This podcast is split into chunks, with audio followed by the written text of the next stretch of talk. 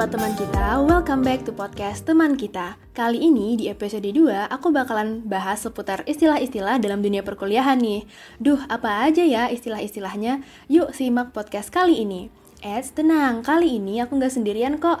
Aku bakalan ditemenin sama kakak kece kita yang udah berpengalaman di dunia perkuliahan. Yuk kak, kenalan dulu nih sama kakak kece kita, Kak Vina. Jeng jeng jeng. Halo sobat ki teman kita semuanya. Ya ampun aku jadi deg-degan nih ketemu sobat teman kita. Halo semuanya, apa kabar nih sobat teman kita? Semoga selalu baik-baik aja ya, stay safe, stay healthy semuanya. Uh, perkenalkan, nama aku Vina Mutmaina, aku biasa dipanggil Vina Aku asalnya dari Jawa Barat, tepatnya di daerah Karawang nih. Mungkin sobat teman kita ada yang daerah Karawang juga. Nah, aku sekarang lagi kuliah di Universitas Gunadarma, program studi psikologi nih. Mungkin gitu kali ya Naura. Salam kenal semuanya. Aduh, oke kita udah kenalan nih sama Kak Vina. Kita lanjut aja kali ya kak, biar langsung dapet nih intisari dari podcast kali ini. Nah kalau di perkuliahan itu ya kak, yang paling tinggi itu deh kita mulai dulu. Yang paling tinggi di bidang perkuliahan atau jabatannya apa sih kak? Uh, kalau misalkan di atas dosen itu ada yang namanya guru besar.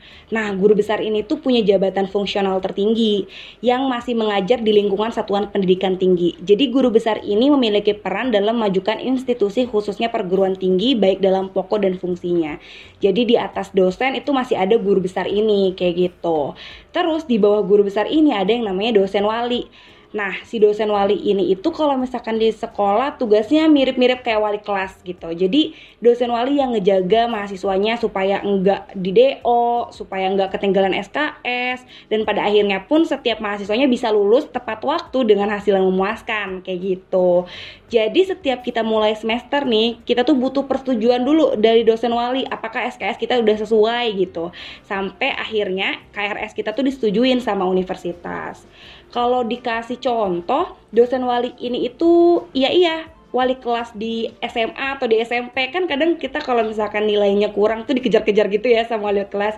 Eh jangan lupa nih remedial jangan lupa nih remedial gitu kan. Nah dosen wali kurang lebih seperti itu sih Naura. Oh gitu ya kak. Kayak wali kelas ya kak Nah, aku tuh pernah dengar, Kak, kalau di perkuliahan itu ya, mahasiswa-mahasiswa yang rajin banget, yang pinter gitu, katanya bakalan bisa jadi asisten dosen ya, Kak. Itu gimana sih, Kak, maksudnya? Yap, bener banget. Kalau misalkan kamu mahasiswa yang uh, ambis ya, bahasanya zaman sekarang, itu jelas banget bisa jadi asisten dosen. Dia tuh tugasnya membantu dosen dalam menjalani perkuliahan. Tapi asisten dosen ini ada ketentuan dan syaratnya juga. Biasanya sih kalau jadi asisten dosen itu harus udah tingkat tinggi ya. Kayak misalkan tingkat du, tingkat tiga, tingkat 4 kayak gitu. Jadi kalau misalkan masih maba atau tingkat 2 belum bisa untuk jadi asisten dosen. Nah, si asisten dosen ini tugasnya ngegantiin dosen kalau misalkan dosennya lagi nggak masuk gitu atau ngebantuin riset. Kan ada beberapa dosen yang masih kuliah S3 gitu kan. Biasanya dibantu nih sama si asisten dosen ini. Kayak gitu. Ah, gitu. Wah, keren juga ya jadi asisten dosen nih. Eh, ngomong-ngomong kak, jadi asisten dosen tuh dapat duit nggak sih kak?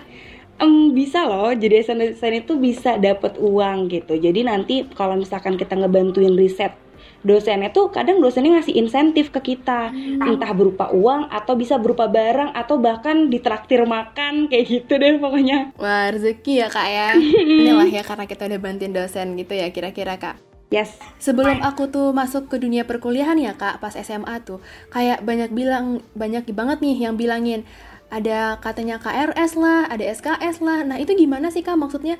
Nah, kalau KRS itu singkatan dari kartu rencana studi.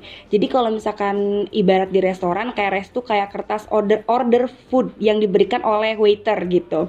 Jadi untuk diisikan sama pelanggannya. Nah, kita itu bakal dikasih kayak uh, semacam order food itu sama kampus untuk diisi nih. Kita mau mata kuliah mata kuliah apa aja yang diambil semester itu. Nah, sebelum sebelumnya kan uh, kampus itu KRS itu sebelum-sebelumnya kan online ya? Eh offline. Aduh sorry. Aku jadi deg-degan banget nih ketemu sama teman kita. Jadi aduh maaf ya sobat teman kita. Jadi kalau misalkan pas sebelum online itu KRS itu tuh kayak kartu gitu. Bentuknya tuh formulir. Tapi karena sekarang kita kan pandemi kayak gini akhirnya KRS sudah banyak tuh yang pakai web-web kayak gitu. Jadi kalau misalkan contohnya itu kayak gini. Aku kan jurusan psikologi nih di psikologi itu ada beberapa mata kuliah kan. Kayak misalkan perkembangan anak terus kayak perkembangan remaja kayak gitu. Terus kayak eh, kepribadian kayak gitu kan contohnya. Nah KRS ini itu adalah kartu yang kayak aku tuh harus milih mata kuliah itu gitu loh di semester 5 misalkan di semester 5 ini ada beberapa mata kuliah nih. Mata kuliah apa aja yang mau aku ambil di semester 5 ini? Memenuhi sesuai enggak sama SKS-nya gitu. Jadi nanti setelah kita pilih KRS ini balik lagi kita bakal kasih dulu ke dosen wali disetujui apa enggak nih misalkan aku ambil perkembangan anak 3 SKS terus aku ambil kepribadian 2 SKS nah nanti semuanya jadi 21 SKS disetujuin gak nih sama dosen wali kayak gitu sih kalau KRS ini Nah, balik lagi tadi ya ke dosen wali. Semuanya harus dipersetujui dulu nih sama dosen wali ya, Kak. Nah, tadi Ya. Kak ngomong SKS, Kak. Gimana nih, Kak, maksud SKS itu? Nah, jadi kalau SKS sendiri ini tuh adalah singkatan dari satuan kredit semester. Itu tuh semacam bobot pendidikan tiap mata kuliah. Nah, jadi misalkan kita ibaratin main game ya. Pada umumnya itu tiap kampus mewajibkan mahasiswa menempuh bobot pendidikan sebesar 144 SKS untuk lulus. Jadi kalau misalkan kita contoh kampus tetangga aku ya, UI. Nah, jumlahnya itu udah masuk ke skripsi kayak gitu. Jadi satu mata kuliah itu punya bobot SKS yang berbeda-beda. Ada yang 1, 2, 3 sampai 6 SKS. Kayak yang tadi aku jelasin kan, mungkin aja aku di mata kuliah kepribadian ambilnya 2 SKS, tapi di mata kuliah perkembangan anak ambilnya 3 SKS kayak gitu. Nah, kalau total SKS di akhir semester pertama udah 24 SKS, berarti kita butuh 120 SKS lagi kan untuk wisuda. Ya, ya, benar-benar. Nah, biasanya sih mahasiswa itu cuma boleh ngambil 24 SKS tiap semesternya supaya nggak keteteran. Karena kalau misalkan diibaratin juga nih, SKS itu bisa bergantung sama jam belajar kita. Jadi kalau misalkan kita ambil 3 SKS, kita belajarnya 3 jam, kan mabok ya gitu. Kalau kita ambil sampai 5 SKS, 5 jam nggak berhenti-berhenti kan, aduh siwer kita gitu. Iya ya, Kak. Oleng ntar nih si otaknya. Oleng nanti, bener. Terlalu banyak yang masuk sampai-sampai nggak tahu lagi nih mau dimasukin ke mana nih mata pelajaran. Nah, bener banget kayak gitu. Nah, kalau tadi kan ngomong tentang mata kuliah ya, Kak. Mata kuliah itu kayak aku pernah dengar, Kak.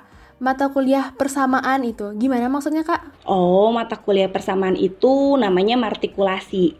Nah, biasanya itu kampus mewajibkan mata kuliah itu kepada mahasiswa yang nyebrang jurusan. Misalnya nih, contohnya aku kan sekarang lulus S1 jurusan eh, ilmu psikologi. Nah, terus aku mau masuk nih S2-nya ke jurusan eh, BK misalkan. Sebenarnya ini nggak nggak nyambung sih, tapi kita contohin aja gitu ya. Iya. Nah, aku tuh ambil kuliah mata aku tuh harus ambil mata kuliah martikulasi dulu di semester pertama. Jadi kalau misalkan sekarang aku S1 psikologi, terus S2-nya misalkan mau ambil eh, pendidikan kimia, wah jauh banget psikologi ke pendidikan kimia. Tapi kita ambil contoh seperti itu ya. Aku tuh harus ada eh, mata kuliah martikulasi yaitu mata kuliah persamaan dulu harus ada linearnya antara psikologi dan kimia ini gitu. Jadi aku nanti bakal diajarin dasar-dasar ilmu eh, ilmu pendidikan kimia kayak gitu. Supaya Jadi, nanti tuh ilmu aku setara sama lulusan S1 Ah, iya. kimia itu kayak gitu sih. Untuk penyetaraan ya, Kak, tujuan dari matrikulasi tadi. Yeps, betul banget. Nah, ini nih Kak, yang paling sering banget jadi hot issue di kalangan anak-anak kuliahan. IP ataupun IPK. Kayak sering banget nggak sih Kak ditanyain, eh IPK-nya berapa? Eh IP-nya berapa gitu.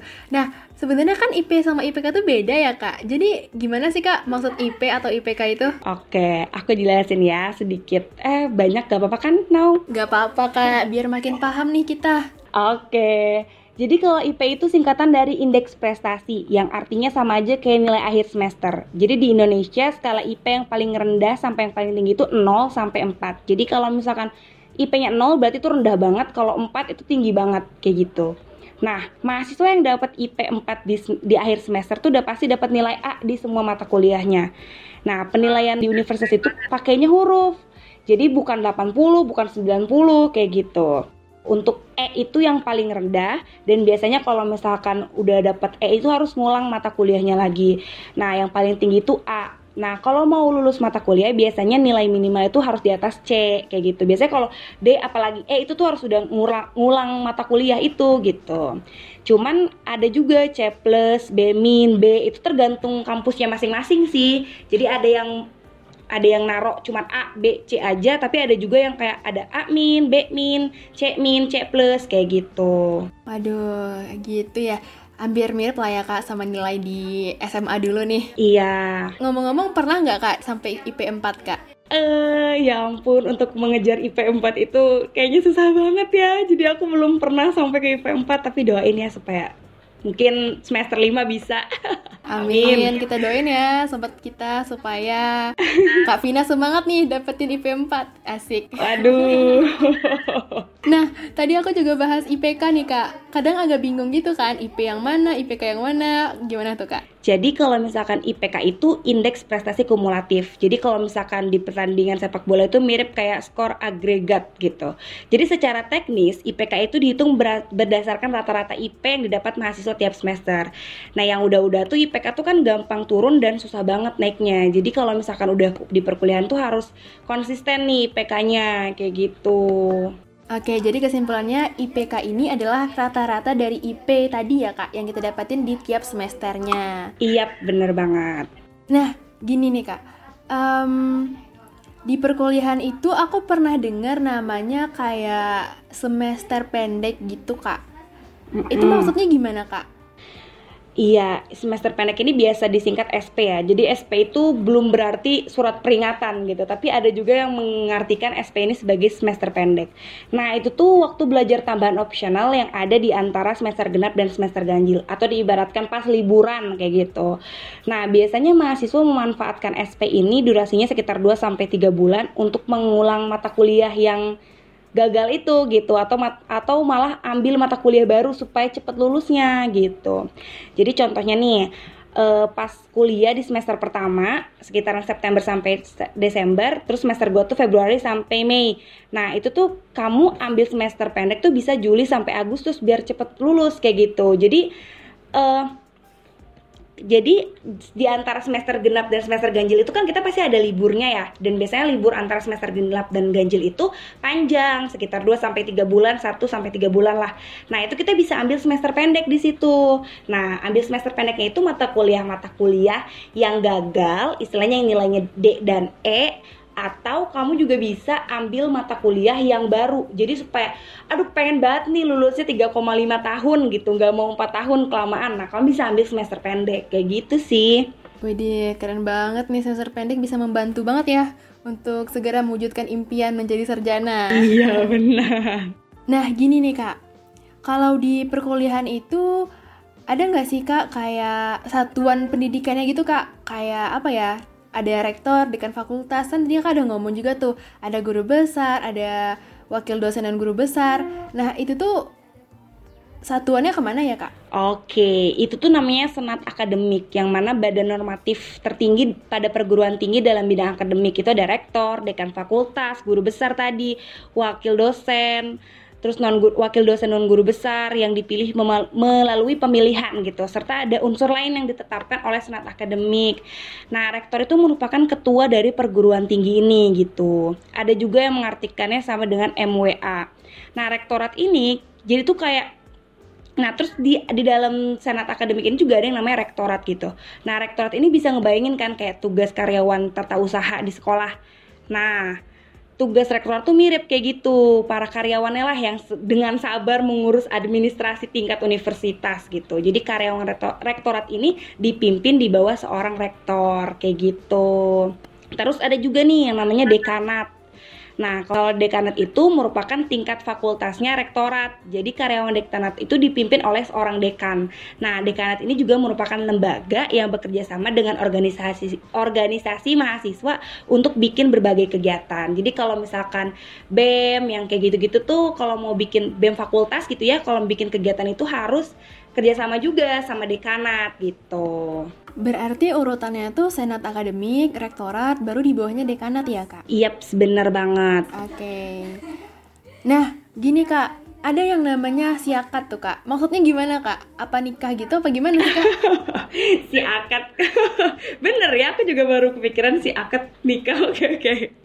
Nah, kalau si akad ini tuh singkatan dari sistem informasi akademik. Jadi suatu sistem informasi akademik yang digunakan untuk memberikan kemudahan kepada pengguna dalam kegiatan administrasi akademik kampus secara online, seperti proses penerimaan mahasiswa baru, pembuatan kurikulum, pembuatan jadwal kuliah, pengisian kartu rencana studi atau KRS tadi, terus pengisian nilai, pengelolaan data dosen dan mahasiswa. Sistem ini juga bisa berfungsi sebagai pendukung untuk analisis data dalam menentukan keputusan kampus, kayak gitu. Berarti kalau maba berarti ngisi siakat ya kak ntar tuh? Yes, benar. Tapi bukan akad nikah ya. Oh iya, bener. Jangan akad nikah ya, ini baru masih mahasiswa nih. Ntar dulu lah ya ada lagi nih kak namanya ADAK kak. Gimana tuh kak maksud ADAK? Nah kalau ADAK ini singkatan dari administrasi akademik dan kemahasiswaan. Itu tuh sebuah pelayanan administrasi akademik yang dipimpin sama seorang kepala biro. Nah biro ini tuh merupakan salah satu ujung tombak pelayanan kampus kepada para dosen dan mahasiswa di semua program studi yang ada di lingkungan kampus. Kayak gitu. Nah, tadi kakak sempat singgung tentang organisasi-organisasi di dunia perkuliahan ya kak. Aku tuh kayak banyak banget dengarnya tuh. Ada yang namanya hima ada yang namanya bem ada lagi dpm tuh kayak banyak banget gitu kan kak. Terus aku bingung nih ini gimana ya? Fungsinya apa? Terus tujuannya gimana? Pasti kan beda ya kak. Gimana tuh kak penjelasannya? Oke. Aku ngejelasin secara umum ya karena pastinya di setiap universitas itu ada beda-beda. Mungkin aja yang nggak ada himanya mungkin aja bemnya gimana gitu. Tapi aku coba jelaskan secara umum. Iya siap jadi kalau hima atau HMJ itu biasa disebut himpunan mahasiswa jurusan. Jadi ibaratnya itu kayak OSIS, tapi tingkatnya itu jurusan. Kan tadi sebelum sebelum ke rektorat itu ada dekanat dulu gitu ya. Nah, jadi sebelum ke BEM itu ada hima dulu. Kalau misalkan aku jurusannya psikologi, berarti ada himpunan mahasiswa psikologi. Nah, kalau misalkan BEM itu di fakultasnya. Nah, aku kan jurusannya psikologi nih. Misalkan ada jurusan lain, jurusannya BK di atas fakultas psikologi itu. Jadi tuh himanya itu ada dua gitu. Ada hima psikologi sama ada hima BK. Jadi per jurusannya kalau si hima itu. Sedangkan si BEM, BEM itu tuh badan eksekutif mahasiswa. Nah, ibaratnya tuh sos OSIS tapi tingkatannya lebih tinggi lagi yaitu di fakultas dan universitas kayak gitu. Jadi kalau misalkan tadi di jurusan psikologi itu ada himanya, di jurusan e, eh, BK itu ada himanya. Nah, di atas mereka itu ada yang namanya BEM, Badan Eksekutif Mahasiswa. Itu ada BEM fakultas. Jadi organisasi yang isinya tuh anak-anak psikologi sama anak-anak BK kayak gitu. Nah, nanti di atasnya lagi ada BEM BEM universitas.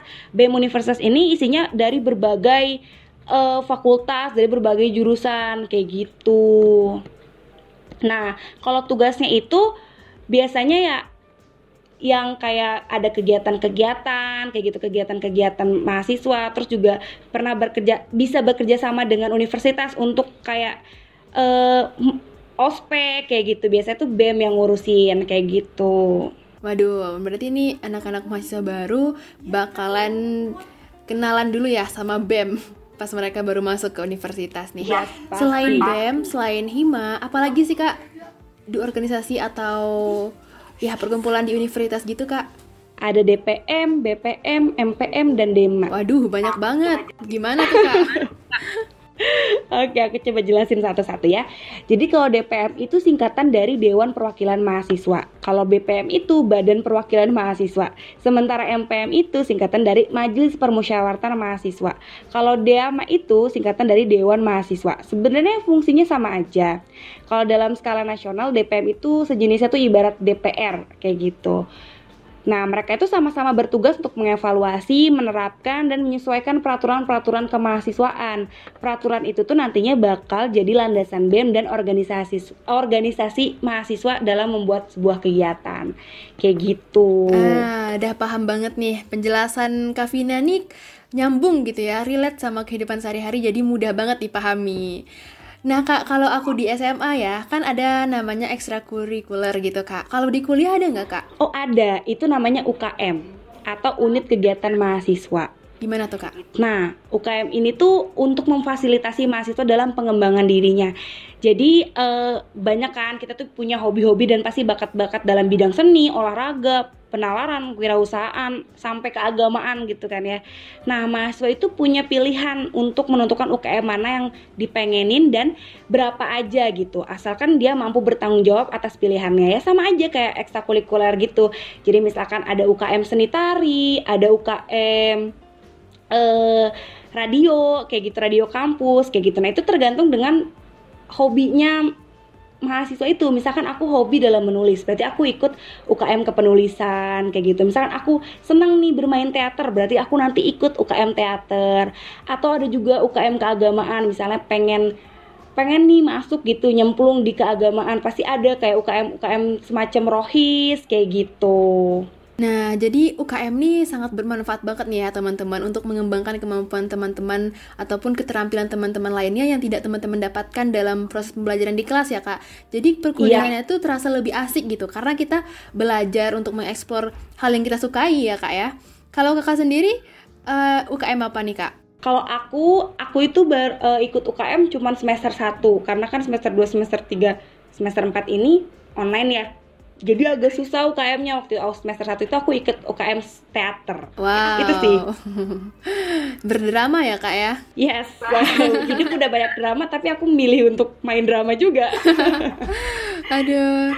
Duh, di kampusnya ternyata lengkap banget ya, teman-teman. Selain kita tuh bisa untuk mendapatkan ilmu pengetahuan melalui jalur akademik tadi, belajar dan di sini kita juga bisa mengembangkan kemampuan kita lewat UKM.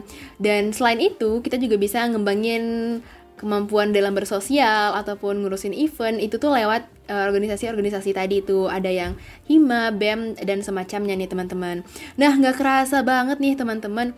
Sayang banget podcast kita kali ini udah harus berakhir nih karena ya udah aja gitu. nah kalau dari Kavina sendiri ada nggak kak kata-kata terakhir untuk sobat kita nih?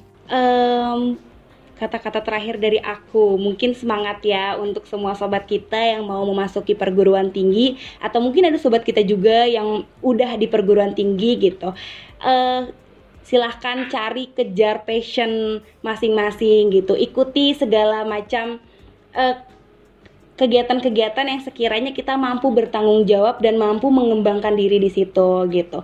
Dan untuk penjelasan-penjelasan aku mungkin ada beberapa yang masih belum jelas atau misalkan dari penjelasan-penjelasan aku tadi ada beberapa yang berbeda dengan kampus-kampus tem, uh, sobat tem, sobat teman kita ini gitu. Nah, pastinya setelah seiring berjalannya waktu nih sobat teman kita ketika udah masuk ke dunia perkuliahan pasti akan paham sendirinya gitu tentang uh, istilah-istilah itu gitu. Jadi ini jadikanlah ini sebagai setidaknya tahu sedikit gitu. Semoga informasi ini tuh bisa membawa dasarnya. Nanti untuk ke depannya lagi bisa sobat teman kita perdalami ketika emang udah masuk ke universitas itu. Karena pastinya di setiap universitas ada perbedaan-perbedaan dalam arti dari istilah-istilah ini gitu sih. Semangat ya untuk semua sobat teman kita. Semoga bisa terus bermanfaat di mana pun kita berada. Semoga bisa terus berkembang dan semoga bisa menjadi pribadi yang selalu jauh lebih baik dari hari ke harinya. Semangat semuanya. Nah, teman kita. Eh, salah, Deng. Sobat kita nih maksudnya. Itu udah keren banget nih kan penjelasannya Kak Vina dan teman-teman semua bisa jadikan itu sebagai pondasi awal sebelum teman-teman berkecimpung lebih dalam lagi di dunia perkuliahan. Nah, terima kasih banget ya Kak Vina udah bersedia untuk sharing cerita-cerita sama sobat kita yang ada di sini. Aku Naura Arifa selaku host dan terima kasih kepada Kak Vina Pamit undur diri ya teman-teman. Sampai jumpa di podcast selanjutnya. Bye.